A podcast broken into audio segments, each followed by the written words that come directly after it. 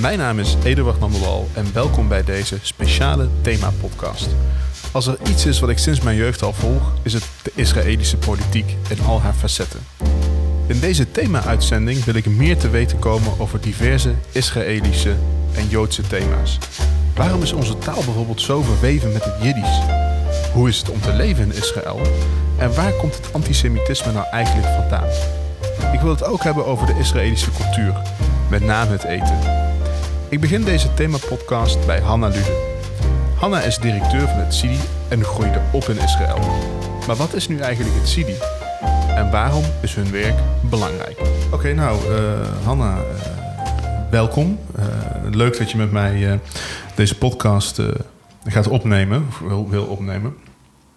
Um, Misschien is het goed. Ik denk dat, dat, dat veel mensen wel een beetje weten wie je bent. Maar voor de mensen die, die het niet weten, zou, zou je eens kunnen uitleggen: uh, wat, wat is het CIDI? Of CIDI? Maar het, is, dat is niet juist, hè? Dus CIDI. CIDI, Centrum Informatie en Documentatie Israël, is opgericht in de jaren 70 omdat men toen het idee had dat de kennis over Israël heel erg beperkt was. Ja.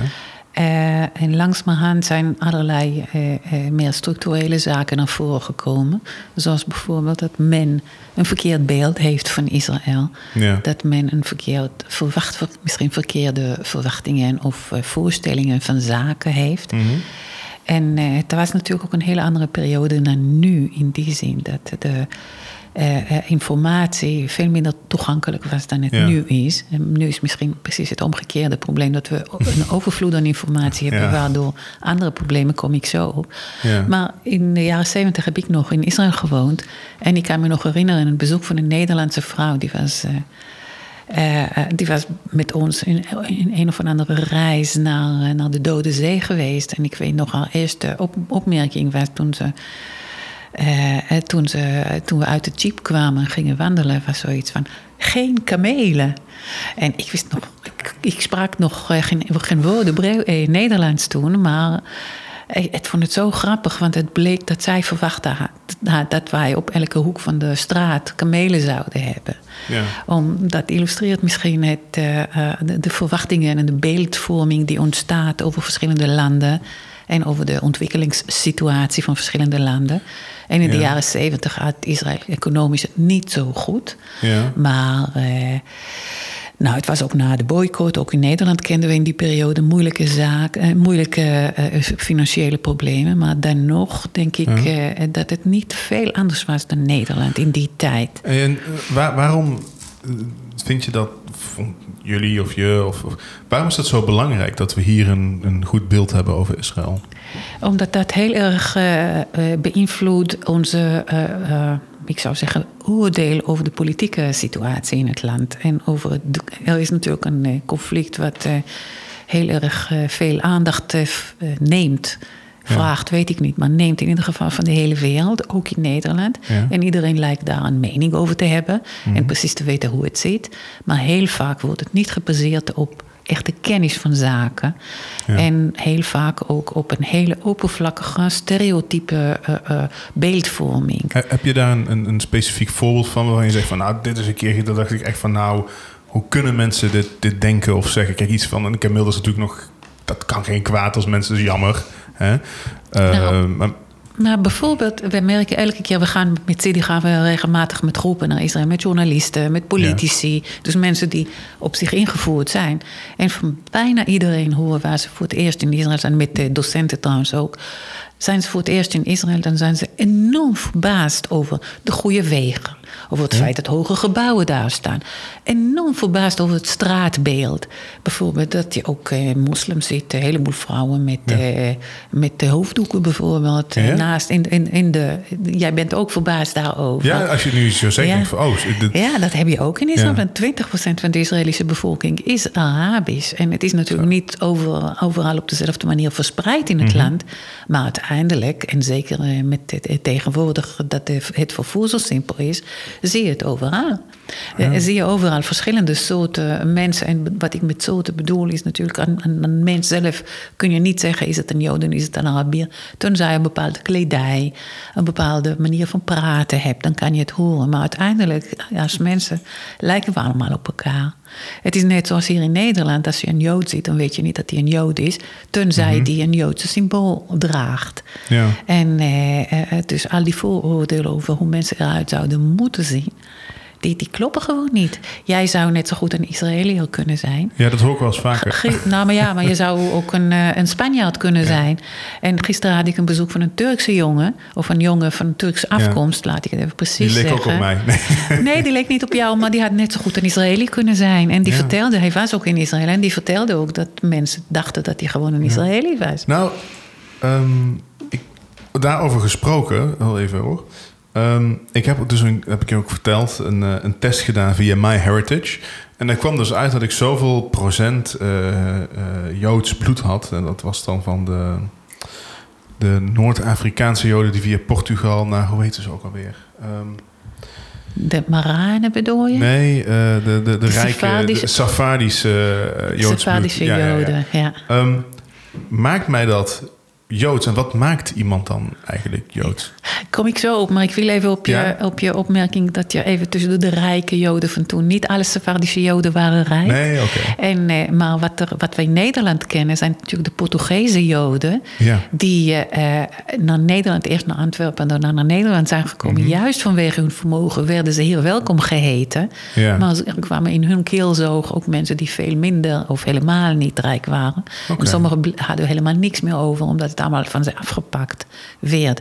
Maar het waren mensen die eh, handel, handelaarsmentaliteit mentaliteit Ja. hadden. En ook eh, een aantal mensen kenden in andere landen, waardoor ze lijntjes konden aanleggen. Oh, Maar even terug naar jouw, jouw roots, Noord-Afrikaans.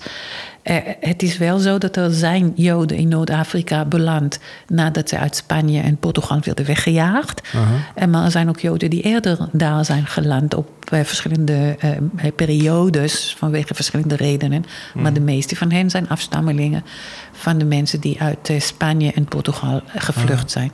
Een aantal andere mensen van die groepen zijn ook eh, naar Turkije en naar eh, Italië weer eh, Ja, nou. geëmigreerd. Ja.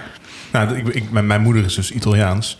Dus waarschijnlijk zijn ze dan ooit zo via, via Napels Ja. eh, terecht Ja, eh, maar net zoals met vele andere bevolkingsgroepen is natuurlijk altijd een meng, een mengeling geweest. Sommige Joden die, zijn eh, eh, christen geworden en, op, eh, en, en, eh, en gewoon een gezin hebben gesticht. En eh, zoveel generaties geleden, misschien honderden jaren geleden, misschien Joods waren, maar daarna niet meer.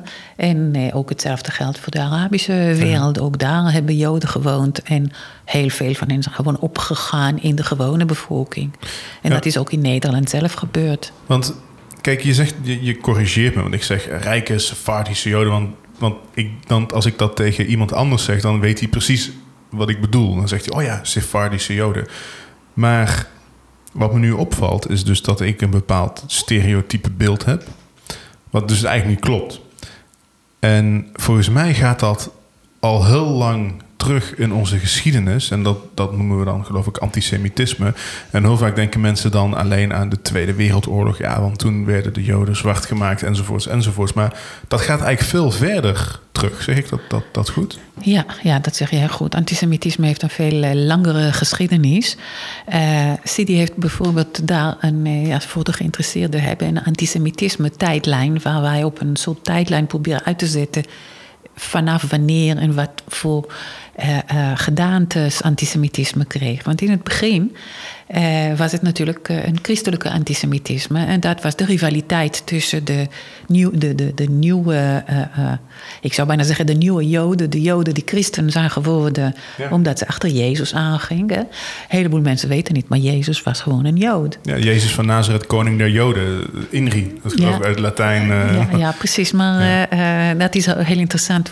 Wat je, je- Jezus wordt nu ook af en toe meegesleurd in de Israëlisch-Palestijnse conflict. En dan Oh.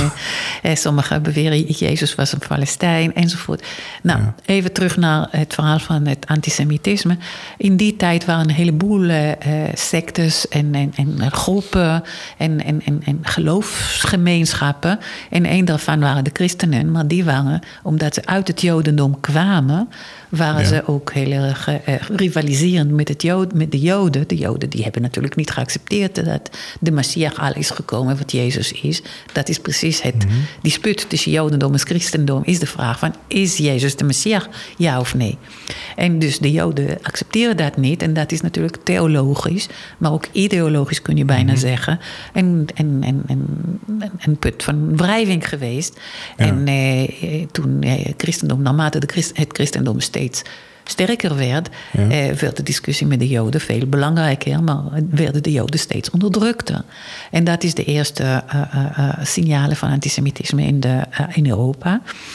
Um, en er zijn daar ook allerlei vooroordelen en sprookjes en weet ik veel allemaal aan vastgehouden. Zoals de, het bloedsprookje is een van de meest bekende. Vertel. En dat is dat Joden christelijke kinderen vermoorden en met hun bloed de matzes voor Pesach, voor de Joodse Pasen, gaan maken. Dat is, en dat is, het klinkt, het klinkt bizar, als, zoals ik het zo vertel, Ja. klinkt het heel bizar. En toch was men in staat om mensen zover te krijgen dat ze Joden gingen aanvallen om.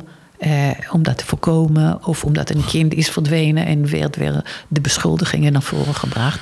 En dat is dus dat bestaat al heel lang en het is nog steeds niet uitgeroeid, Mhm. Nee. de- dit geloof, deze geloofte.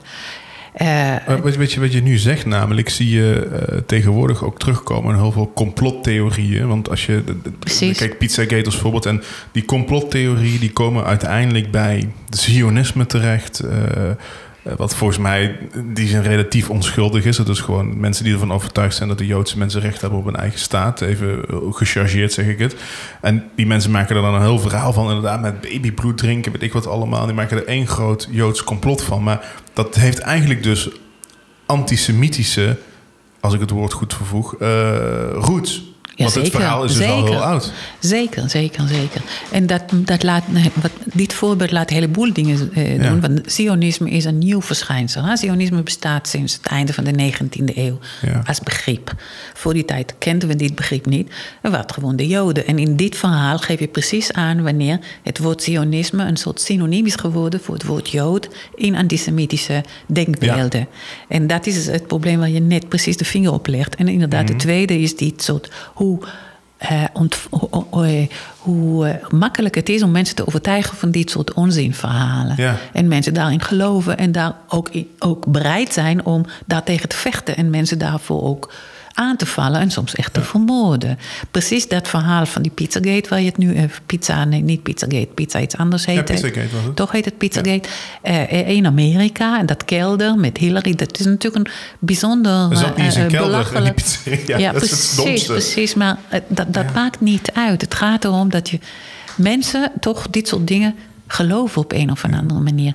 En daar wil ik misschien ook een, een stapje, wat, wat misschien gek klinkt, maar ik Ja. wil ook een stapje maken naar de, eh, het conflict in Israël in dit kader. Ja. Want dat is een van de zaken die ook in Israël veelvuldig is voorgekomen in de 20ste en, en nog steeds, in de 20ste eeuw en nog steeds. En dat is altijd de rumoer dat de Joden de eh, eh, El-Aqsa-moskee of het Tempelberg zouden willen eh, overnemen. Ja.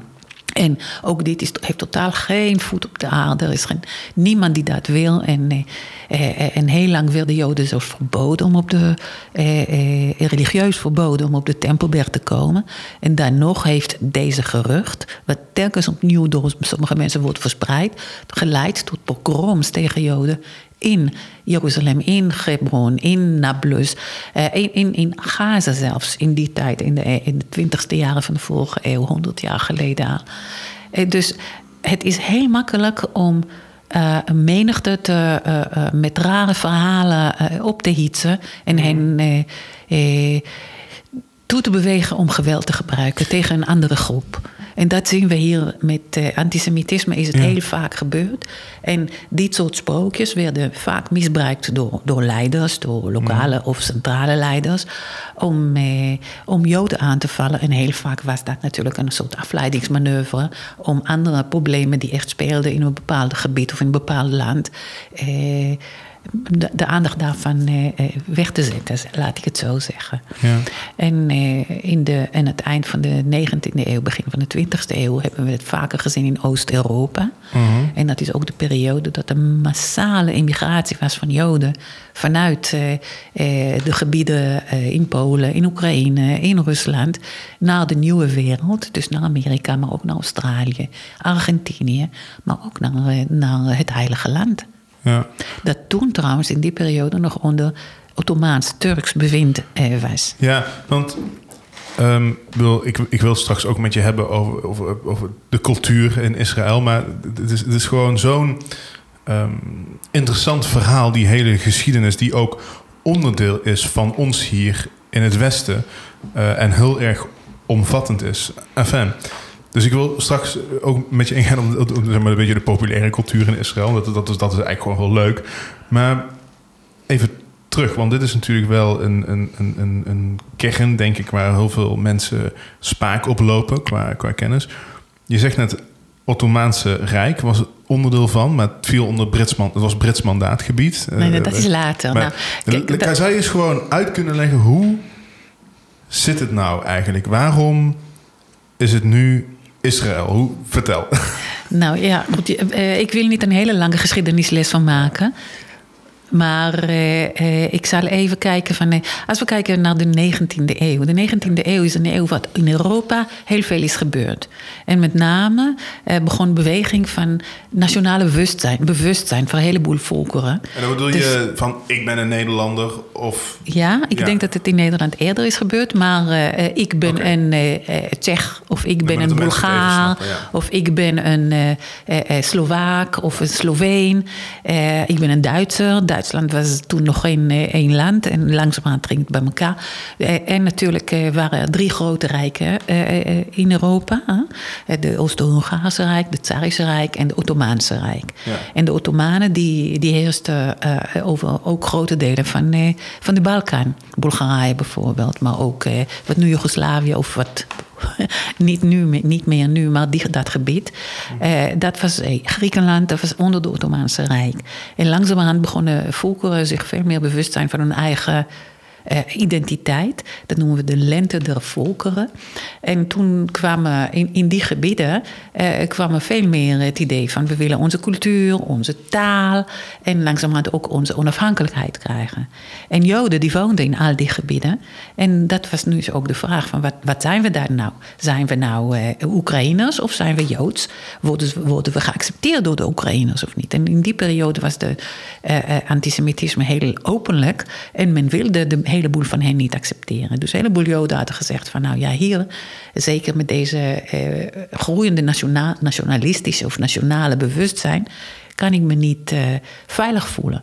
En dat, dat is een van de redenen voor de grote immigratie naar de, naar de nieuwe wereld. Niet ja. de enige reden. Het was natuurlijk ook economisch heel erbarmelijk. Maar ook andere Joden die hebben gezegd van wij willen ook als Joden eh, een nationale bewustzijn, een nationale taal en een nationale thuisland. En dat is dus de achtergrond van het Zionisme, wat aan het einde van de 19e eeuw is begonnen. Natuurlijk met het achtergrond van het steeds groeiende antisemitisme. Met de meest bekende is natuurlijk de Dreyfus-affaire in Frankrijk, waar een kolonel in het Franse leger werd beschuldigd van verraad. En dat was dus een, een beschuldiging die nergens op sloeg. En dat was de aanleiding voor de, eh, zeg maar de grondlegger van het Zionisme, Herzl, om eh, te komen met een hele heel plan om Joden eh, naar Israël te, te, laten emigreren en daar een eigen land eh, te, te, laten maken of te laten gebeuren. Dat was eh, het eerste Zionistische congres is in 1997 geweest. En daarna kwamen nog meer van die Zionistische congressen. Natuurlijk, de aanloop daarvan was daarvoor. 1897. Ach, 18, ja, ja, 1897, ja, inderdaad. Ja. Maar daarvoor zijn al mensen naar Israël geëmigreerd om daar inderdaad een nieuw leven op te bouwen.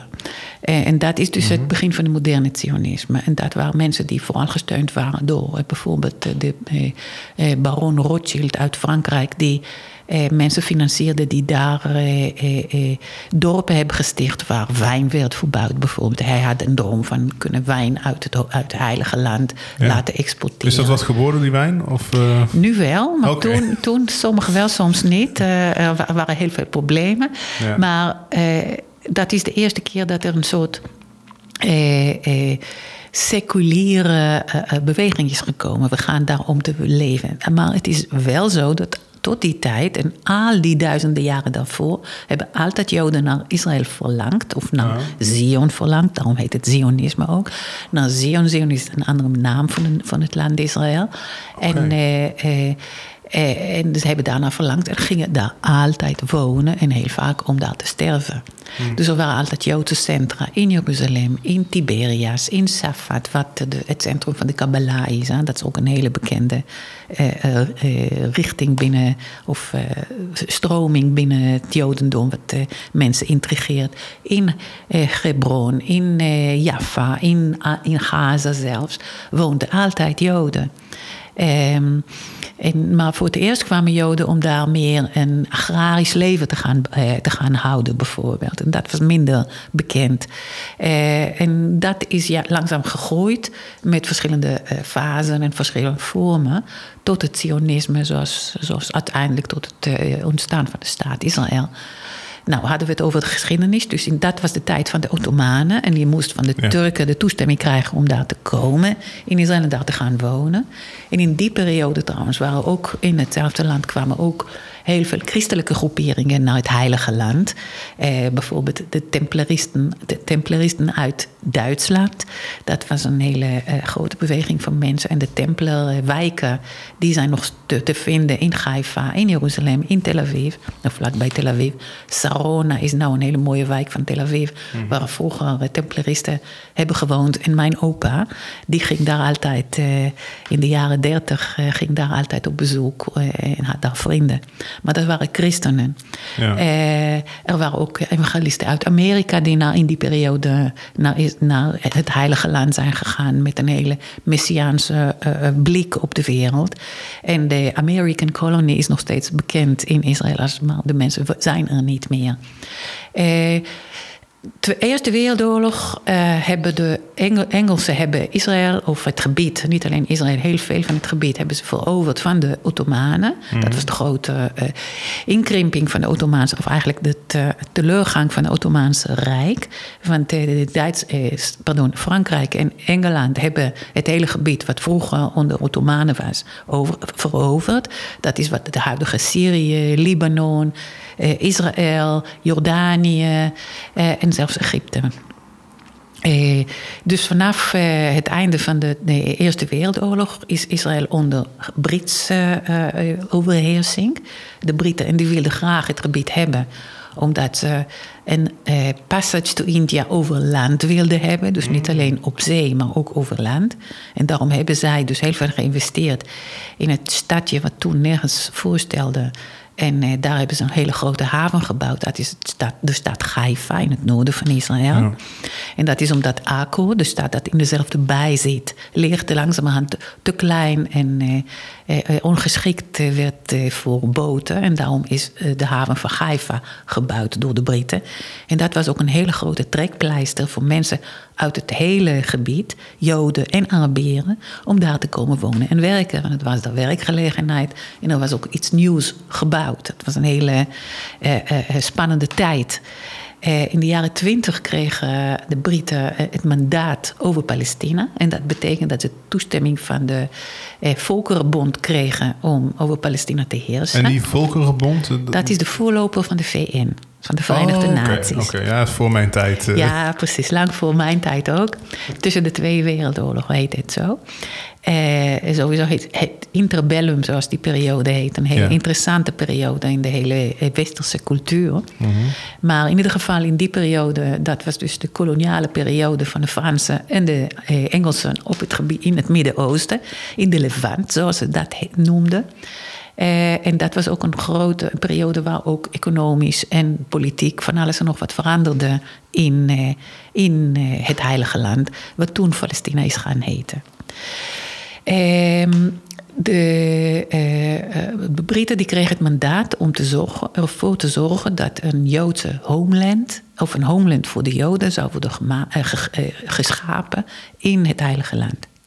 En dat is dus eigenlijk het begin van de hele eh, aanloop naar een Joodse staat. Wat uiteindelijk in 1948, dus na de Tweede Wereldoorlog, is gesticht, is onafhankelijk geworden. Maar tussen 1917 en 1948 heersten de Britten over het gebied. Uh, ze heersten ook over uh, Jordanië, hoewel ze daar snel een uh, onafhankelijkheid en eigenlijk een gecreëerd land hebben gegeven aan, aan een van hun Arabische trouwe bondgenoten. En dat was dus de overkant van de Jordaan, is het toen genoemd. En daarom heet, ook, heet het ook toen Transjordanië. Ja, en als je kijkt naar de grens van Jordanië, zie je hoe eh, hoe, uh, hoe, natuurlijk dat land is met die uh, grenzen die met, met een lineaal zijn getekend en heel raar zijn. Maar toen het, zeg maar, de, de, de, de, Joodse mensen zeg maar, dat gebied toegewezen kregen, toen woonden daar ook Palestijnen, maar ook Joodse mensen al, wat zegt vanuit de geschiedenis. Maar dan moet je me eens even uitleggen waarom. waarom is dat dan nu zo ingewikkeld eigenlijk? Want volgens mij was er ook niet zoveel toen daar. En wonen er wat vrij dun bevolkt. waarom is dat dan zo Ja, het was niet alleen een dun bevolkt land, het was ook een beetje een uithoek. Het was heel primitief daar, een uh, uithoek. Uh, maar er woonden daar mensen. Of ze Palestijnen genoemd kunnen worden, dat betwijfel ik. Want dat Palestijnse bewustzijn is toen totaal niet geweest. Want het land is een land waar heel veel minderheden woonden. Maar als we kunnen zeggen dat uh, het onderscheid kan worden gemaakt tussen mensen die wiens moedertaal Arabisch was, dat was de meerderheid en dat waren wat we nu dus Palestijnen noemen, maar toen absoluut niet. En nog steeds noemt niet iedereen die daar woont zich Palestijn. Maar dat is een hele andere uh, uh, interessante ontwikkeling van hoe de nationale bewustzijn van de volkeren, die, de Arabische volkeren, langzamerhand is ontstaan. Eh, maar in die periode hebben ze zichzelf zeker niet als één groep gezien. Eh, er, waren, er woonden hier eh, in Jeruzalem natuurlijk veel meer mensen, in de grote steden een beetje, maar vooral ook een aantal landarbeiders die straatarm waren. En heel vaak, het was de structuur van een façade, dus die hadden geen eigen land. Het was allemaal land van rijke mensen die met name door de Ottomanen toen het land hebben gekregen. Maar de meeste van hen woonden in Beirut of in Damascus. En niet zozeer soms in Jeruzalem, maar meestal niet. Maar de mensen die het land bewerkten, die, hadden, die, die waren geen eigenaar van het land. Je zou wat, er, ja, wat er gebeurde is dat veel van het land is verkocht aan Joden door de eigenaren in Beirut of Damascus en soms Istanbul zonder dat het, hen kon schelen wat er gebeurde met de mensen die ter plekke waren. Ja. En de, de, de kopers wisten het soms wel, maar heel vaak ook niet dat ze een land kopen waar mensen op zitten. Want het, ja. nou ja. En dan, dan nog het grootste deel van het land, ook in de Britse tijd, was eigenlijk staatsland en niet een privébezit. Ja, maar je zou eigenlijk ook kunnen zeggen: ik, ik ben iemand, ik denk altijd aan oplossingen. Uh, dat de mensen die daar van oudsher woonden, er juist bij gebaat uh, zouden zijn op het moment dat er een soort van centrale regering is, een democratie is, een staat is. Eh, om, ja, ja, ik zou, denk, ik, zou ik denken. Hè? Ik nou, uh, je moet je even verplaatsen in het begin van de 20e eeuw. Dan democratie was niet, uh, niet zo wijd verspreid, nog veel minder dan nu. en het was natuurlijk de koloniale tijd. De hele manier van denken over, over, over politiek was heel anders dan nu. Eh, maar toen de Britten het overnamen, toen eh, eh, hebben ze. Een van de opdrachten van de mandaat was inderdaad om ervoor te zorgen dat de. als ze klaar zijn met hun opdracht, dat, dat, ze een land achter kunnen laten waar, waar het zelfbestuur mogelijk was. En daar hadden ze een opdracht voor. En dat is heel goed gelukt bij de Joden en heel mislukt bij de Arabi Arabische bevolking van, dat, van het gebied. En dat heeft allerlei redenen. Het is niet voor niks dat Transjordanië, wat nu Jordanië heet, een monarchie is en niet een democratisch land. En zeker is het. Nu heeft het een parlement, maar dat had het in het begin helemaal niet. Dat was een veel gebruikelijkere. Uh, regime in die tijd. Ook, dat was ook het verhaal in Syrië. Ook Syrië kreeg een koning wat eh, dat niet zo goed eh, deed. In Libanon is weer een heel ander verhaal hoe het daar gegaan is. Daar kunnen we misschien een ander keertje over hebben. Maar ook in Egypte was er een koning. Dus het was niet, lag niet voor de hand om een democratie te creëren. Mm. Moet je even, even proberen te denken in de manier van denken van de twintig uh, jaren. Of jaren twintig of daarvoor zelfs. Maar ook een beetje daarna. Eh, maar dan nog was het wel zo dat de Joodse bevolking in, in Israël, in Palestina, dat heette toen bij de, onder de uh, Britten heet het Palestijn. De Joodse bevolking heeft langzamerhand de eigen uh, instituties opgericht. Mhm. wat, wat nog steeds heel bekend is, zijn de ziekenfondsen. Wat nog steeds heel sterk en heel effectief werken. Dat is ook de reden waarom de de hele eh, eh, vaccinatieprogramma, het hele programma zo soepel loopt in Israël. Dat heeft juist te maken met deze instituties die al in de eh, eh, beginjaren, in de jaren twintig, misschien zelfs daarvoor zijn begonnen, zijn opgericht. Om ervoor te zorgen dat er goede medische zorg komt voor de eigen bevolking. Maar waar ook aan eh, eh, de Histadroet, dat is de, de, de, de FNV van Israël, laat ik het zo zeggen, die zorgde, zorgde voor de arbeiders, die zorgden voor werkgelegenheid, die zorgden voor goede arbeidsverhoudingen, die, die, die, zorgden, die, die, die organiseerden stakingen als dingen niet goed liepen, eh, enzovoort. Er was ook een, eh, eh, eh, eigen bestuur, die is gekozen uit de verschillende autonome organisaties, enzovoort, enzovoort. En, mhm. en eh, dat, dat heeft natuurlijk de, de dat heeft de, de basis gelegd voor, wat daarna, toen Israël onafhankelijk werd, in 1948. Eh, eh, eh, inderdaad een staat met, met, instituties goed kon worden opgericht. Ook universiteiten waren enzovoort, enzovoort, enzovoort. In dezelfde periode is het niet gelukt om de Arabische bevolking te, te, organiseren en, en, en, en centraal eh, eh, instituties überhaupt te regelen. Ja. En eigenlijk hebben ze in grote mate nog steeds niet. Hebben ze nog steeds niet een georganiseerde goede gezondheidszorg bijvoorbeeld. Zelfs het onderwijs is niet zo eh, simpel. Maar het heeft ook te maken met het feit dat de, Arabische bevolking ook samengesteld is uit verschillende groepen. Mm, het is geen heel homogene groep. Ik, ik wil het zometeen nog met je eigenlijk eh, over, over hebben, over de situatie en, een beetje zeg maar, een sprongetje in de tijd maken.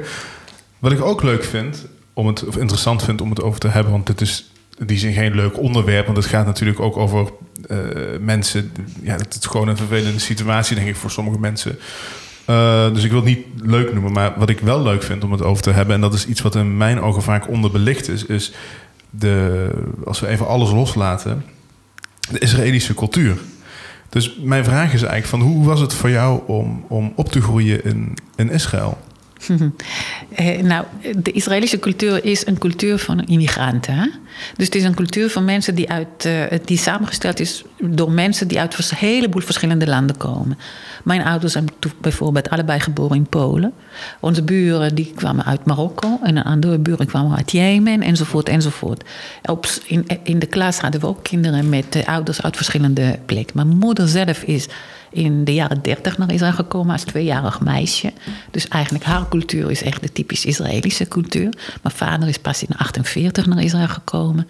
Dus die heeft weer een hele andere cultuur met zich meegebracht. Ik ben bijvoorbeeld opgegroeid met twee talen. Mijn moederstaal is Hebreeuws en dat is ook mijn moederstaal. Maar mijn vader, die, zijn moedertaal was Jiddisch. En dat heb ik ook geleerd. Dat was heel bijzonder in Israël. Dat gebeurde niet vaak. Wat, is het verschil tussen... Oeh, is een groot verschil. Daar kunnen we een hele podcast over hebben. Maar Jiddisch is een uh, uh, Europese taal. Je kan zeggen dat het vergelijkbaar is met het Nederlands. Want het is uh, ontstaan uit het Middenhoog-Duits. Het is dus een Joodse taal die Duits Germanisch is qua structuur en heel veel woorden. Maar heeft ook heel veel Hebreeuwse woorden, mhm. Slavische woorden, Latijnse woorden in zich. Net zoals elke taal worden cannibaliseerd van een andere taal. Ik zal je even een geheim vertellen. Toen ik hier kwam, toen sprak ik Jiddisch. En langzamerhand werd het Nederlands. dus het is dan makkelijker om het te leren? Ja, ja eh, nou, ik denk dat het voor Nederlanders makkelijk is om te leren. Het bijzondere aan het Jiddisch is, en daar stoppen we denk ik over het Jiddisch mee... is dat hij schrijft met Hebreeuwse letters. Ah. Dus uh, als jij het ziet, dan lijkt het abracadabra voor jou. Maar uiteindelijk is het veel makkelijker te verstaan. En natuurlijk zijn er ook een heleboel Jiddische woorden in het Nederlands. die meegenomen zijn door Joden die uit Oost-Europa kwamen. en in vooral Amsterdam hebben zich gevestigd. Ja, ik gebruik stiekem, uh, zonder dat ik het weet, latent uh, veel Jiddische woorden zoals uh. Stiekem? En, ja, stiekem, ja. stiekem is dan daar ook een voorbeeld van. Dat is wel, maar goed, maar terug naar Israël. Ja. Hebreeuws is dus de taal op straat. Eh, voor 80% van de bevolking zou ik zeggen. 20% van de bevolking is dus Arabisch en hun moedertaal is Arabisch. En dat kom je tegen als je in de Arabische gebieden komt.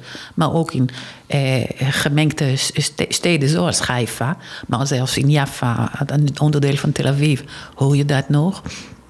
Hey, verder is de cultuur heel. Ik vond het als kind, eh, als ik terugkijk, dan denk ik, het was een hele open cultuur. Want je had inderdaad de invloeden van iedereen. Dus bij iedereen thuis was het eten ietsje anders. En dan kon je proeven. En soms was het te heet en soms was het juist te flauw. Uh, En uh, de, zelfs de, de melodieën die gebruikt werden voor de, in de synagoge verschilden. Als je uit dit land kwam of uit dat land. En zeker tussen Ashkenazi en Sephardische Joden is het verschil nog groter. Ja. Dat merk je nu nog in verschillende synagogen. Dat is ook interessant.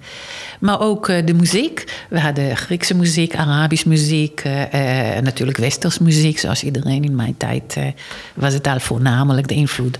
Ik als kind ben opgegroeid met heel veel chansons. Dat was ik helemaal gefascineerd van. Daarom heb ik ook Frans leer, geleerd. Ik wilde eigenlijk heel graag in Frankrijk wonen.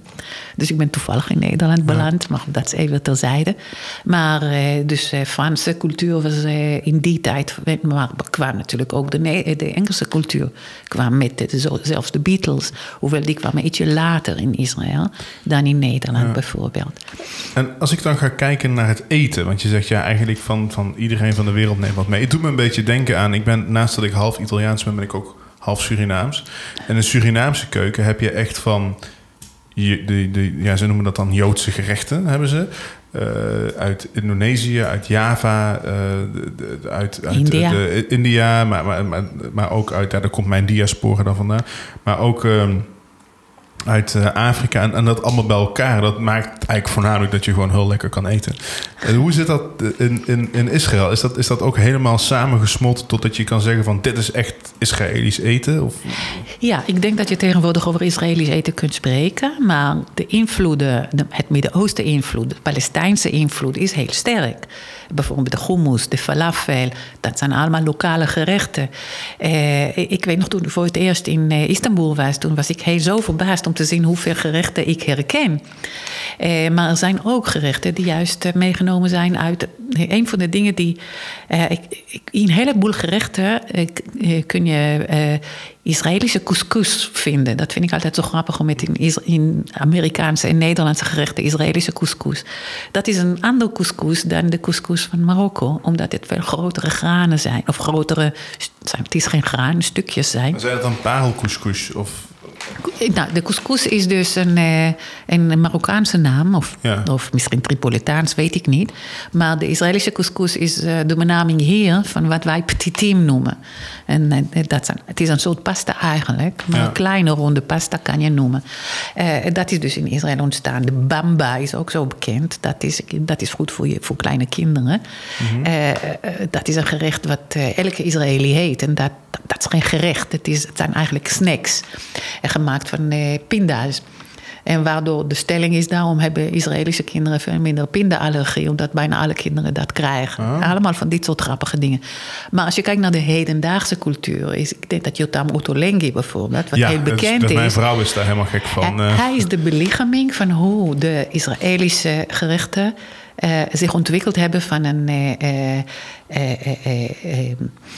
stamgerechten tot iets wat samengesmolten, een soort fusion. Het is eigenlijk de fusion van, van Israël, is eh, hoe je eh, eh, aubergine gebruikt en hoe je bloemkool gebruikt. Samen met tahin bijvoorbeeld. Samen met eh, eh, eh, hummus, de hummusgerechten. En, allemaal, en allerlei varianten op hummus.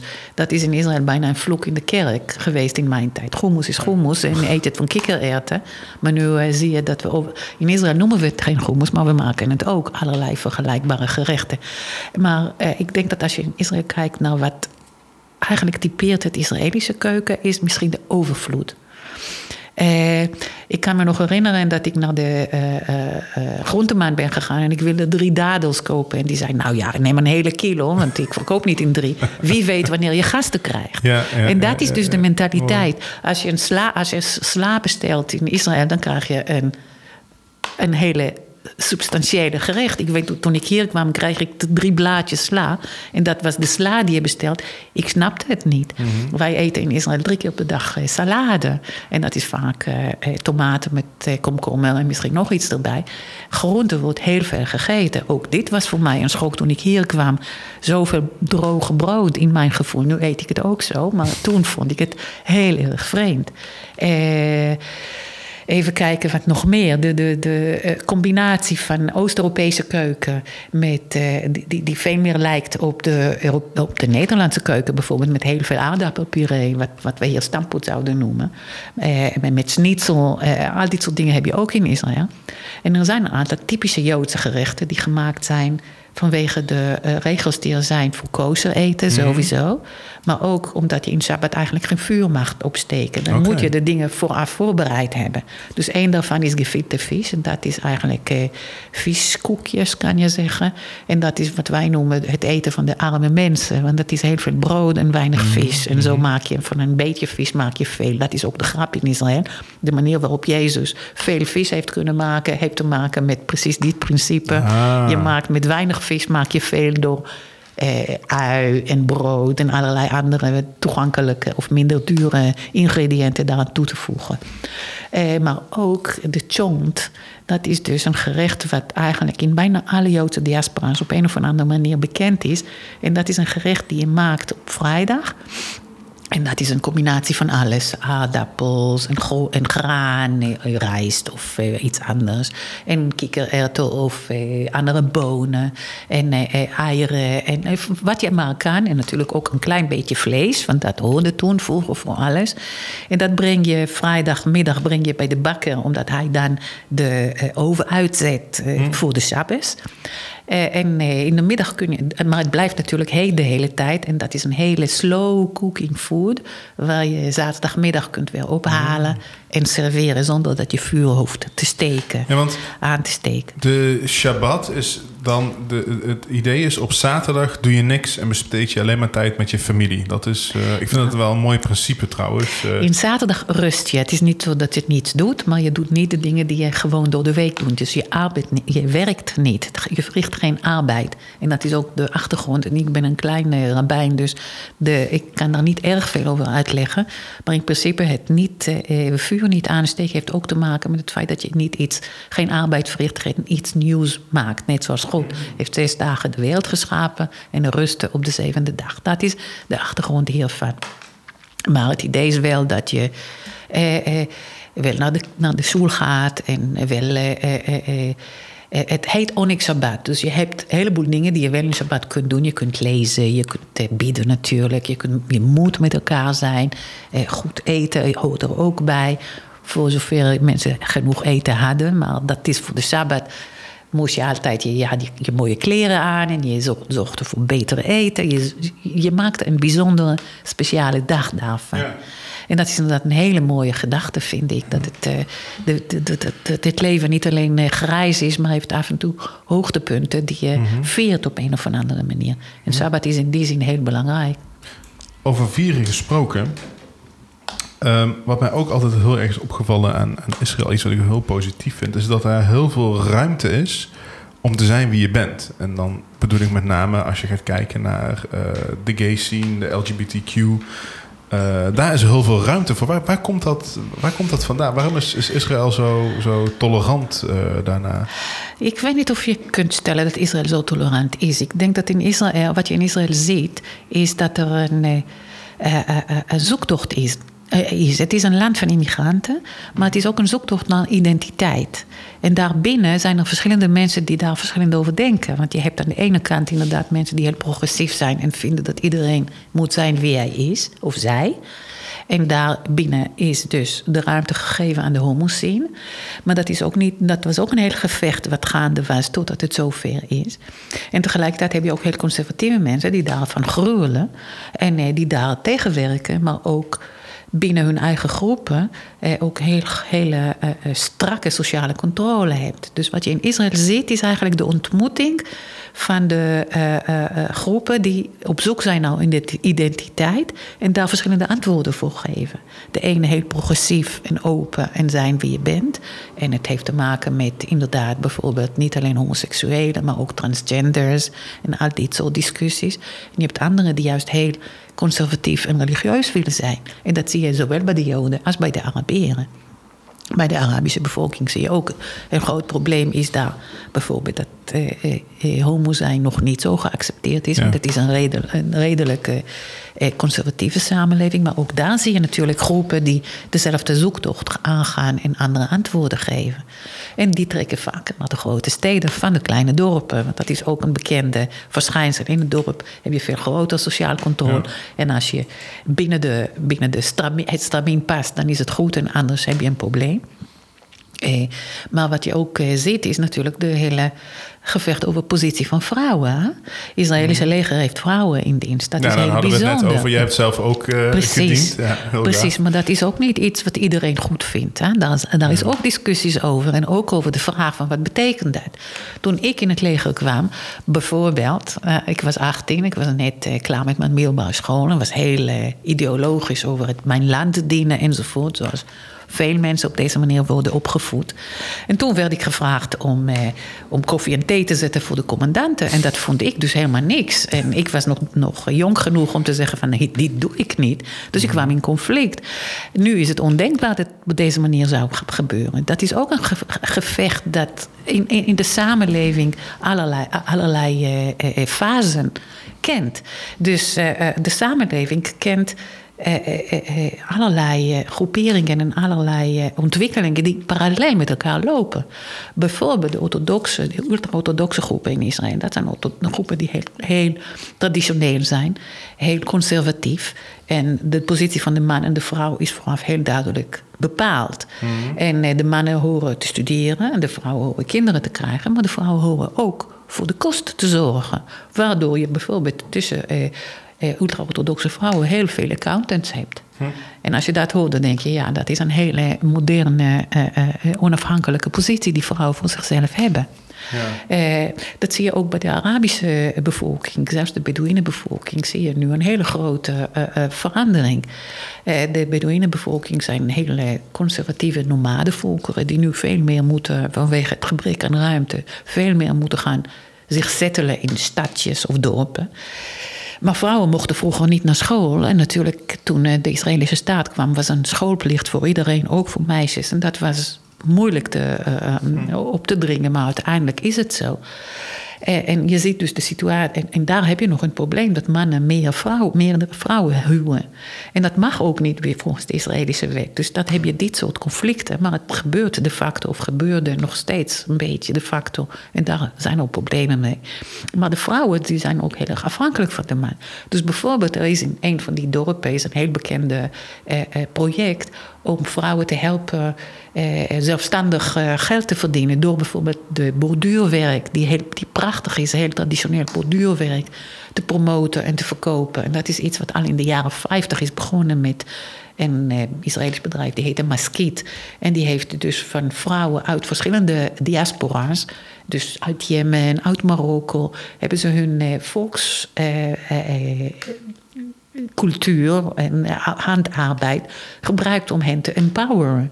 Mhm. Maar het interessante, ik begon over de Bedouinen door. Daar kom je en dan zie je die vrouwen die, eh, die komen met hun werk en daar krijgen ze les om hen ook te empoweren. Dat wordt trouwens door de eigen mensen gedaan. Hè?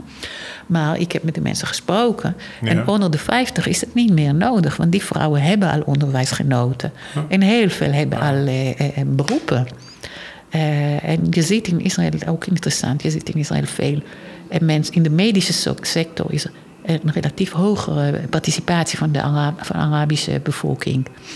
En doktoren en eh, eh, zusters en verplegers. Maar ook in de apotheker, apo, eh, de apotheken zie je heel veel eh, Arabische mensen. En dat is juist omdat dit is een beroep uh, die voor minderheden makkelijker is om het gevoel te hebben: ik kan iets betekenen voor de mensheid. Nou, ik vind het interessant omdat um, in Nederland lopen we juist een beetje tegen het probleem aan dat de samenleving um, een beetje niet zeggen verzuild, maar dus er beginnen verschillen te komen. Je ziet bijvoorbeeld dat heel veel Arabische vrouwen die, die zijn verplicht om bijvoorbeeld een hoofddoek te dragen vanuit huis uit of mogen niet studeren enzovoort. Er zijn heel veel, ik zeg dat niet als dat het mijn mening is, maar er zijn heel veel onderzoeken naar gedaan. En eigenlijk hoor ik je zeggen dat in Israël het soort van tegenovergestelde gebeurt. Dat daar dus heel erg veel ruimte is voor participatie. En het wordt een soort, is een, een eenheid. Ik zou zeggen, die beide ontwikkelingen zie je. Wat je ziet eh, is aan de ene kant inderdaad het, de emancipatie van de uh, groeperingen die achtergesteld waren door verschillende redenen, door hun eigen cultuur, door, uh, door hun, waar ze woonden enzovoort.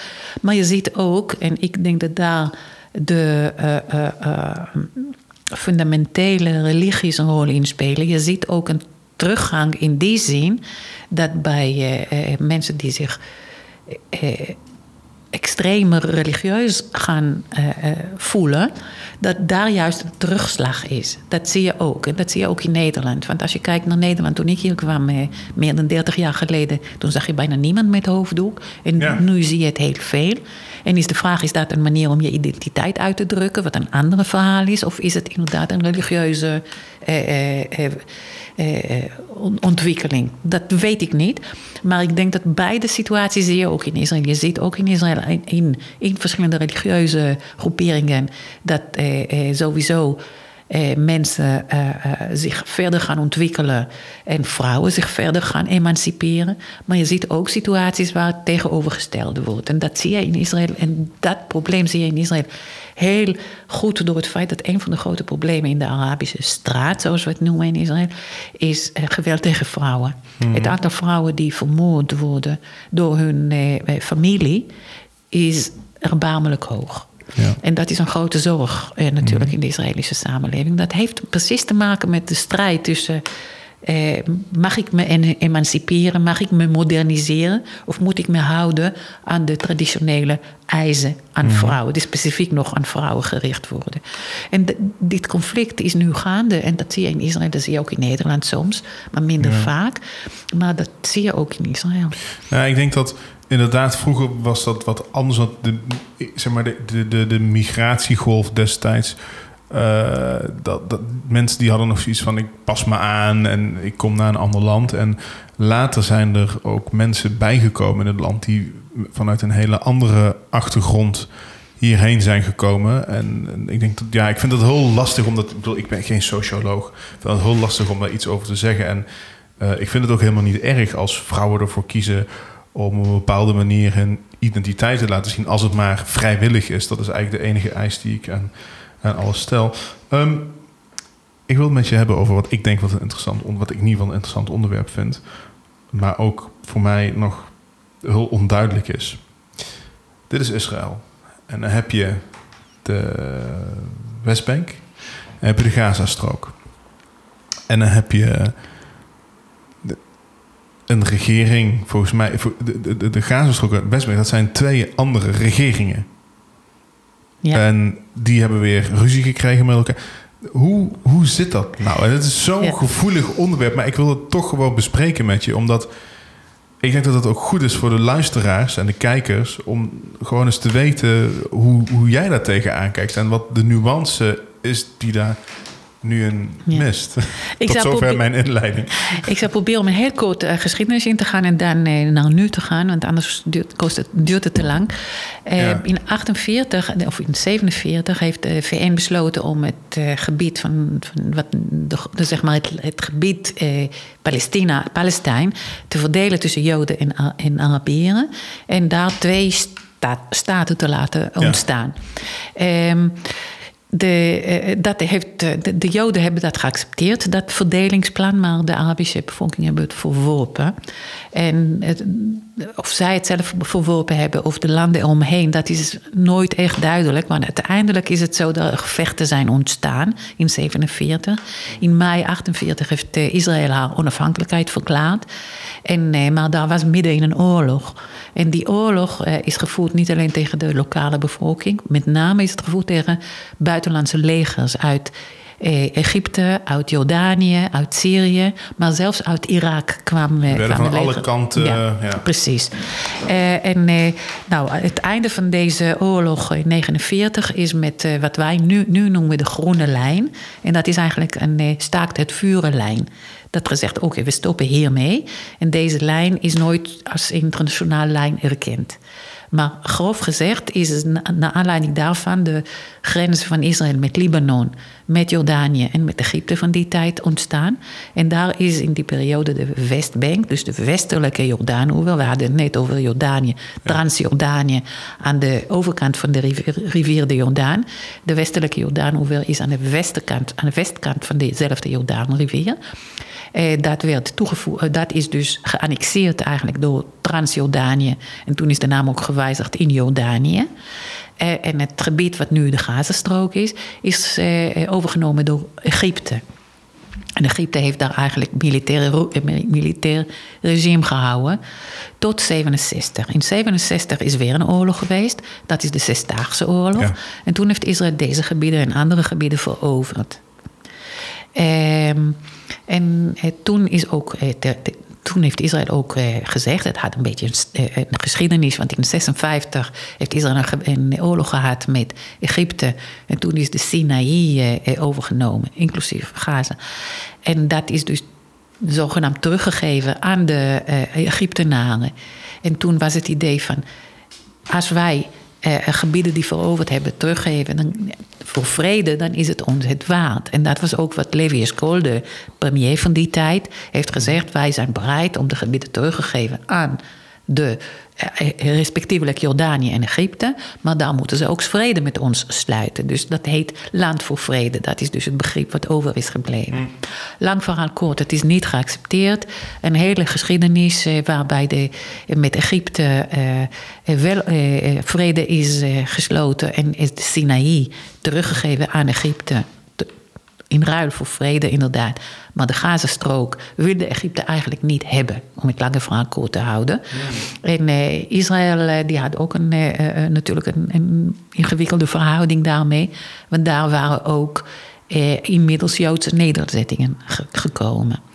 Hetzelfde gold voor de Westbank. In 67 heeft Tele Weerskool voorgesteld om het terug te geven aan Jordanië voor vrede. Maar dat is dus het bekende eh, eh, bijeenkomst van Khartoum met de drie nee's. Nee tegen vrede, nee tegen erkenning van Israël. En eh, eh, de- even kijken, de derde nee ben ik nu even ontschoten. De drie nee en nee tegen normalisatie van de relatie met Israël. En dat is dus wat we nu ook gehoord hebben apropos in de Abrahamakkoorden. Normalisatie als begrip. Maar goed, ieder geval, eh, toen is eh, eh, de, de vijandigheden sindsdien eh, niet eh, minder geworden, sinds 67. Maar langzamerhand is ook de, wat we, we hadden het net gehad over de, de lokale Arabische bevolking in het gebied, die zichzelf meer en meer als een eigen volk zijn gaan beschouwen. Dat is dus de term Palestijn steeds meer naar voren gekomen. En, Welk eh, jaar praten we over dat dat... eh, nou, daar zijn de meningen over verschillend. Maar de Palestijnse Palestine Liberation Organization is iets wat ouder is. En eh, in 64 is dat in ieder geval veel meer wereldbekend eh, geweest. In, en, en er waren voortdurend vijandigheden. Uh, met de Oslo-akkoorden, dat is in 1994 uh, zijn de akkoorden geweest. En toen is gezegd, want de discussie over wat, wat we moeten tussen Joden en Arabieren, is een discussie die al heel lang liep. En er zijn mensen in Israël altijd geweest die gezegd hebben: we willen een twee-staten-oplossing. En anderen die daar niet mee eens waren. En dat voor de Palestijnen gold het eigenlijk dat ze Israël niet wilden erkennen. Dus mhm. nooit een twee-staten-oplossing wilden. Tot Oslo. En toen is eh, door de PLO, de grootste eh, Palestijnse. de Palestine Liberation Organization. de grootste Palestijnse ja. Eh, samenstelling van Palestijnse organisaties. waarvan de Fatah van Arafat de belangrijkste in was. En die hebben dus besloten om Israël te erkennen. En inderdaad te werken voor, uh, en naar, uh, naar een twee-staten-oplossing. En in het aanloop, de aanloop daarvan is beslist: we gaan een Palestijnse autoriteit op, oprichten. Die autonomie en de, alle instituties waar we net ook over gehad hebben, gaan oprichten. Langzamerhand in aanloop. Okay, dus als ik het goed begrijp, eigenlijk, uh, na de Oslo-akkoorden heb je dus een, een, een, een, PLO die Israël erkent. Dus ik zou zeggen, ja, goed nieuws, de vlag kan uit, uh, we kunnen vrolijk verder. Maar... Ja, dat, dat is dus wat uh, ook heel erg heerste in die periode. Een hele uh, periode van positiviteit en hoop, inderdaad. Dat de onderhandelingen tot, tot een vredige oplossing zullen leiden. En uh, dat was een hele mooie periode, begin jaren 90 in Israël, inderdaad. Maar de onderhandelingen die, die, die liepen steeds spaak op verschillende discussies. Want er zijn natuurlijk een aantal problemen waar geen simpele oplossingen voor zijn. De ene discussie is wat moet je met de nederzettingen. En een andere discussie die, Jeruzalem, de grenzen van Jeruzalem. Maar dat is ook trouwens, ik kom er zo op terug op Jeruzalem. En derde discussie is wat moet met alle Palestijnse vluchtelingen. Wat moet met de discussie over de recht van terugkeren van Palestijnen. Waar naartoe? dat zijn allemaal discussies die uiteindelijk het zijn onderwerpen die uiteindelijk elke keer uh, de, de, onderhandelingen hebben te doen spetteren. En volgens Israël, Israël beweert dat alle oplossingen, alle oplossingen die wij meekomen, werden eigenlijk verworpen door de Palestijnen, maar ze kwamen niet met een tegen, tegenvoorstel. Mm. Dat is heel kort samengevat hoe Israël kijkt tegen waarom alle onderhandelingen, en die waren tot 2008, alle onderhandelingen elke keer spraak liepen. Maar in ieder geval, in de aanloop is in ieder geval beslist om een Palestijnse autoriteit te creëren. Een soort Palestijnse regering kun je het noemen. Ja. Uh, en daar was bij Arafat, dus de leider van de Fatah, de leider van PLO. Ehm, was de president. En eh, er is ook beslist om sommige gebieden alvast als autonome gebieden te, te, eh, voor de Palestijnen te creëren. En een daarvan was de hele Gazastrip eigenlijk op een gegeven moment. En de andere eh, is, eh, met name de, de Westbank, is verdeeld in, in, laten we zeggen, drie gebieden. Area A, B en C, zoals het heet. En Area A is waar de Palestijnse autoriteit volledige autonomie heeft. Area B is een soort gedeelde autonomie. De Palestijnen, die Palestijnse autoriteit heeft daar, is daarvoor het zeggen, maar het Israëlische leger mag daar eh, ook eh, van alles en mhm. nog wat doen. Het is een Area C. En dat is op dit moment het grootste gebied, het grootste gebied in de Westbank. Is eh, onder het militaire, Israëlisch militaire regime. Dus, waarom, waarom mogen ze niet een hele autonomie hebben over het hele gebied? Ja, daar komen we zo op. Oh, oké. Ehm, eh, het, wat is het hele gebied, is precies de discussie. Ah, okay. Maar op, in Area C staan, zijn alle Israëlische nederzettingen. En er wonen daar iets van, laten we zeggen, een kleine half miljoen Palestijnen. Maar de meeste Palestijnen wonen in autonome gebieden. En dat is dus wat wel tot nog toe bereikt is met de Oslo-akkoorden. Maar dat was een stap in een roadmap, zoals het soms heette door anderen. Hmm. Er zijn verschillende oplossingen gezocht, verschillende term, terminologie aangegeven. Maar in ieder geval, eh, op een gegeven moment eh, eh, heeft eh, Israël eh, zich helemaal teruggetrokken uit Gaza. En dat is in 2005 of 2006 even uit mijn hoofd. Eh, en toen zijn ook nederzettingen, Israëlische nederzettingen die daar waren, zijn ontruimd. En dat was ook voor Israël een hele discussie, want niet iedereen mhm. was er happy mee. Maar in ieder geval zijn ze allemaal ontruimd. En is het hele gebied in, in Gaza en Ramallah als hoofdstad van de Palestijnse autoriteit en Nablus en een heleboel andere gebieden zijn ontruimd door Israël. En daar is dus Palestijnse autonomie gaan heersen. En eh, in de autonome gebieden in, eh, in Gaza en in de Westbank, waar ik net over had, eh, in de periode van Arafat, was het dus een, een, samenwerking tussen de verschillende autoriteiten. Er is beslist dat de Palestijnen langzamerhand een eigen politie gaan trainen. Daar zou, had Nederland bijvoorbeeld een rol in. Mhm. de, de, internationale gemeenschap zou helpen om langzamerhand een autonomie te creëren en een staat te, te creëren voor de Palestijnen. En ehm, je vroeg naar de grenzen. Ik had het over gehad dat de grenzen, de groene lijn, eh, dat is een staak het vuren grens. Dat was nooit een internationaal erkende grens. En de vraag is, vinden we deze grenzen correct, ja of nee? Of willen we daar een beetje verandering in brengen? Intussen zijn natuurlijk Israëlische nederzettingen gekomen. En een aantal daarvan wilde Israël per se houden. En heeft Israël soms een alternatief land in ruil daarvan aangeboden. Maar in ieder geval wilde Israël niet terug naar de 67-lijn as is maar met correcties, om het even zo mhm. te noemen.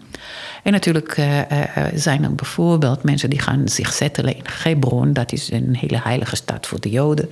En daar zijn mensen gaan settelen in huizen die vroeger van Joden waren, die, die daar weggestuurd werden.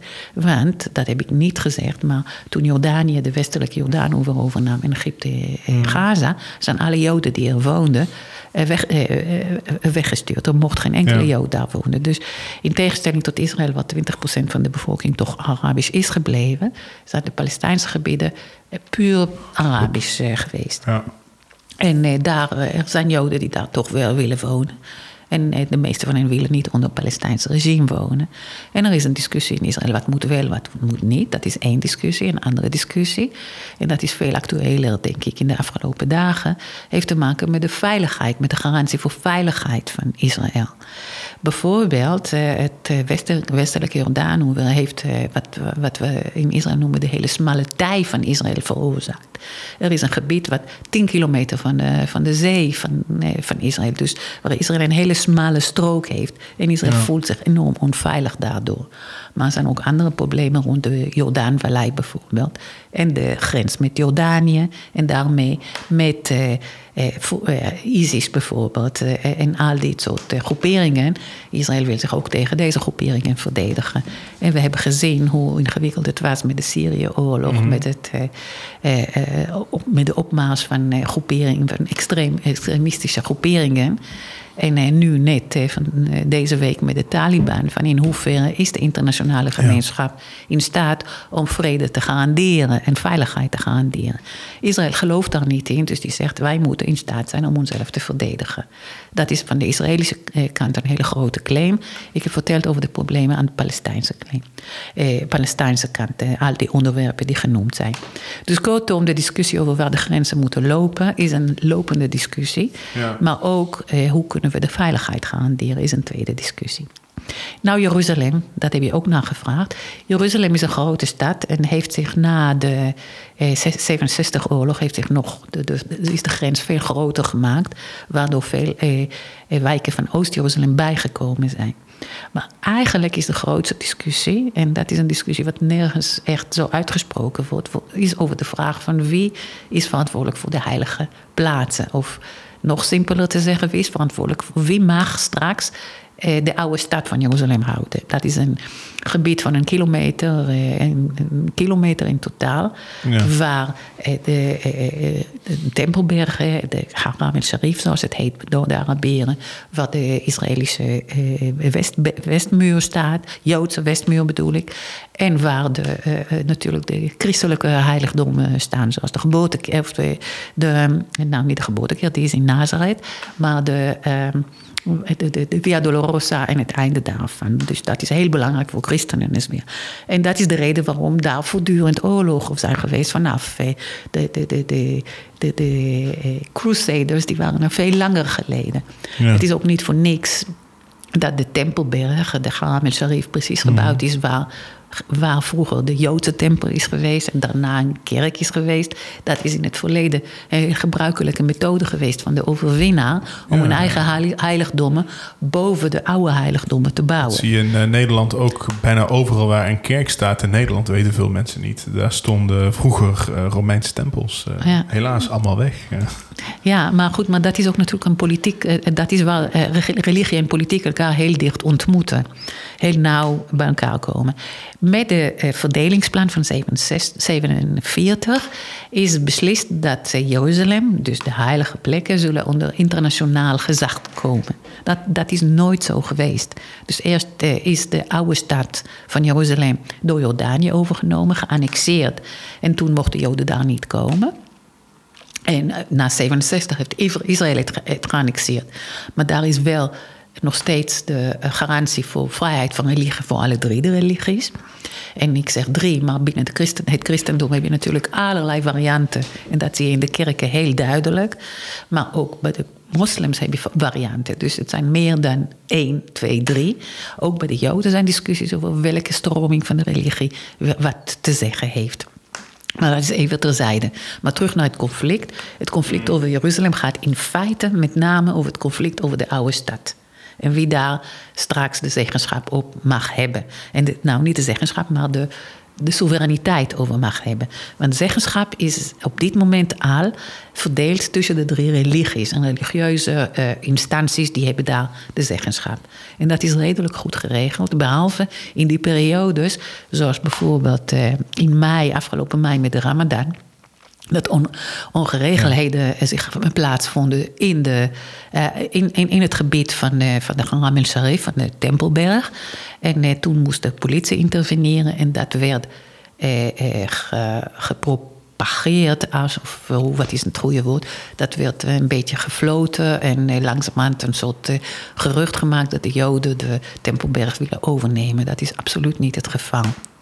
Maar deze geruchten zijn iets wat terugkerend zijn vanaf de, het begin van de 20e eeuw al en misschien ook daarvoor. En elke keer heeft het veroorzaakt. Dan komen we terug bij die geruchten Ja. die, die geen, niet gebaseerd zijn op werkelijkheid en toch in staat blijken om menigte tot eh, gewelddadigheden te, eh, over, te, over te krijgen. Het, is, eh, het is jammer dat. ik denk namelijk dat er.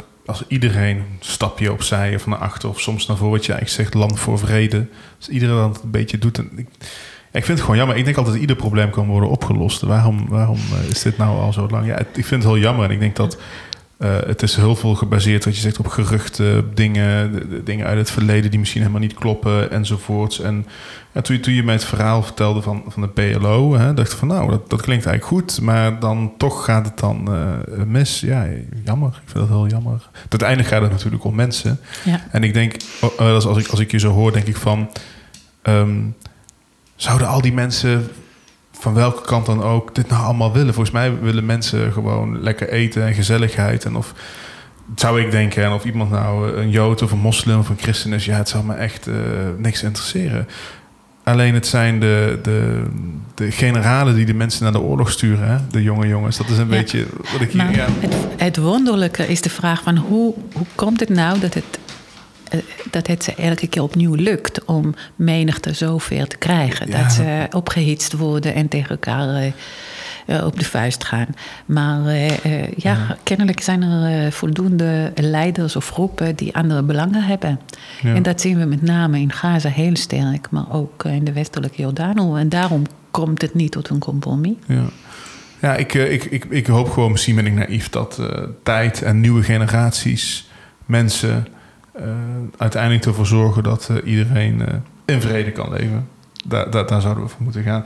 Hey, wat positief afsluiten, want wat ik zeg, het gaat natuurlijk altijd om menselijk leed. Hè? Eh, Dat, is, dat is jammer, maar ik vind het altijd belangrijk om iets positiefs af te sluiten en dan toch een beetje gericht op de, de Israëlische cultuur. Ehm, wie is jouw grootste Israëlische held? Als je, het mag een muzikant zijn, eh, iemand uit de maar niet. Ik ben gewoon benieuwd. Nou, mijn moeder, eigenlijk. Ja? Als ik kijk naar het leven van mijn moeder. Mijn moeder is in Polen geboren. Haar ouders zijn gevlucht vanwege de opkomst van eh, het nazisme. zijn ze, en, en ook andere antisemitische sentimenten in Polen, waar ze, van, waar ze geboren is. Zij is in Palestina, op Palestijn opgegroeid. Ze is in grote armoede in een gebied wat Joden en Arabieren samenwoonden, heeft zij, is zij opgegroeid. zij is eh, eh, ja, eigenlijk aan, het, aan de wieg gestaan van de, van de staat Israël. Heeft alle immigratiegolven gezien. En ze was les, eh, lerares. En dus ze heeft ook heel veel les gegeven aan een heleboel mensen die uit verschillende immigratiegroepen en golven waren. Ze heeft dus echt. Het land Israël zien ontstaan en groeien en bloeien. En als ik haar vraag, nou, hoe kijk je naar Israël, zegt ze, nou ja, uiteindelijk vindt, vindt zij dat misschien een hele grote wonder dat het überhaupt gelukt is. Dat had ze niet durven, hadden zij niet durven dromen in eh, de jaren 40. Toch is het gelukt. En ze heeft ook heel veel kritiek op de Israëlische samenleving, zoals iedereen in Israël bijna, denk ik. Maar toch, als je vraagt, nou, wat is nou de, de bottomline, zegt ze, het is toch een hele wonder dat dat geschied is. En toch trots op eh, zo'n land die op deze manier zich heeft ontwikkeld. Ja, nou, dat vind ik een, eh, mooie gedachte en een mooi voorbeeld ook, zoals je dat zegt. En eh, ja, hopelijk zijn er in de toekomst meer mensen zoals zij. En dan komt het vast allemaal goed. Hanne, ik wil je heel erg bedanken. En ja, kom vooral nog een keer langs en dan kunnen we het nog dieper over bepaalde onderwerpen. Want dat is heel interessant en ik denk dat we daar niet over uitgepraat raken. Alleen het behoeft wel uh, bepaalde nuance. Dus ik zou ook tegen de luisteraar willen zeggen van verdiep je erin, uh, lees. Ook op jullie website staat een heleboel informatie. Uh, want ook, is mij opgevallen, ook de journalisten hebben het niet altijd juist. Hè. Die moeten vaak een artikeltje en zo'n stukje schrijven in een krant. En dat hoeft niet altijd, het, kan soms een beetje ongenuanceerd zijn. Dus Precies, dus het is met name heel simplistisch, ja. ja. En het, het, behoeft heel veel nuance. Hanna, dank je wel. En ja, hopelijk tot snel. Graag gedaan.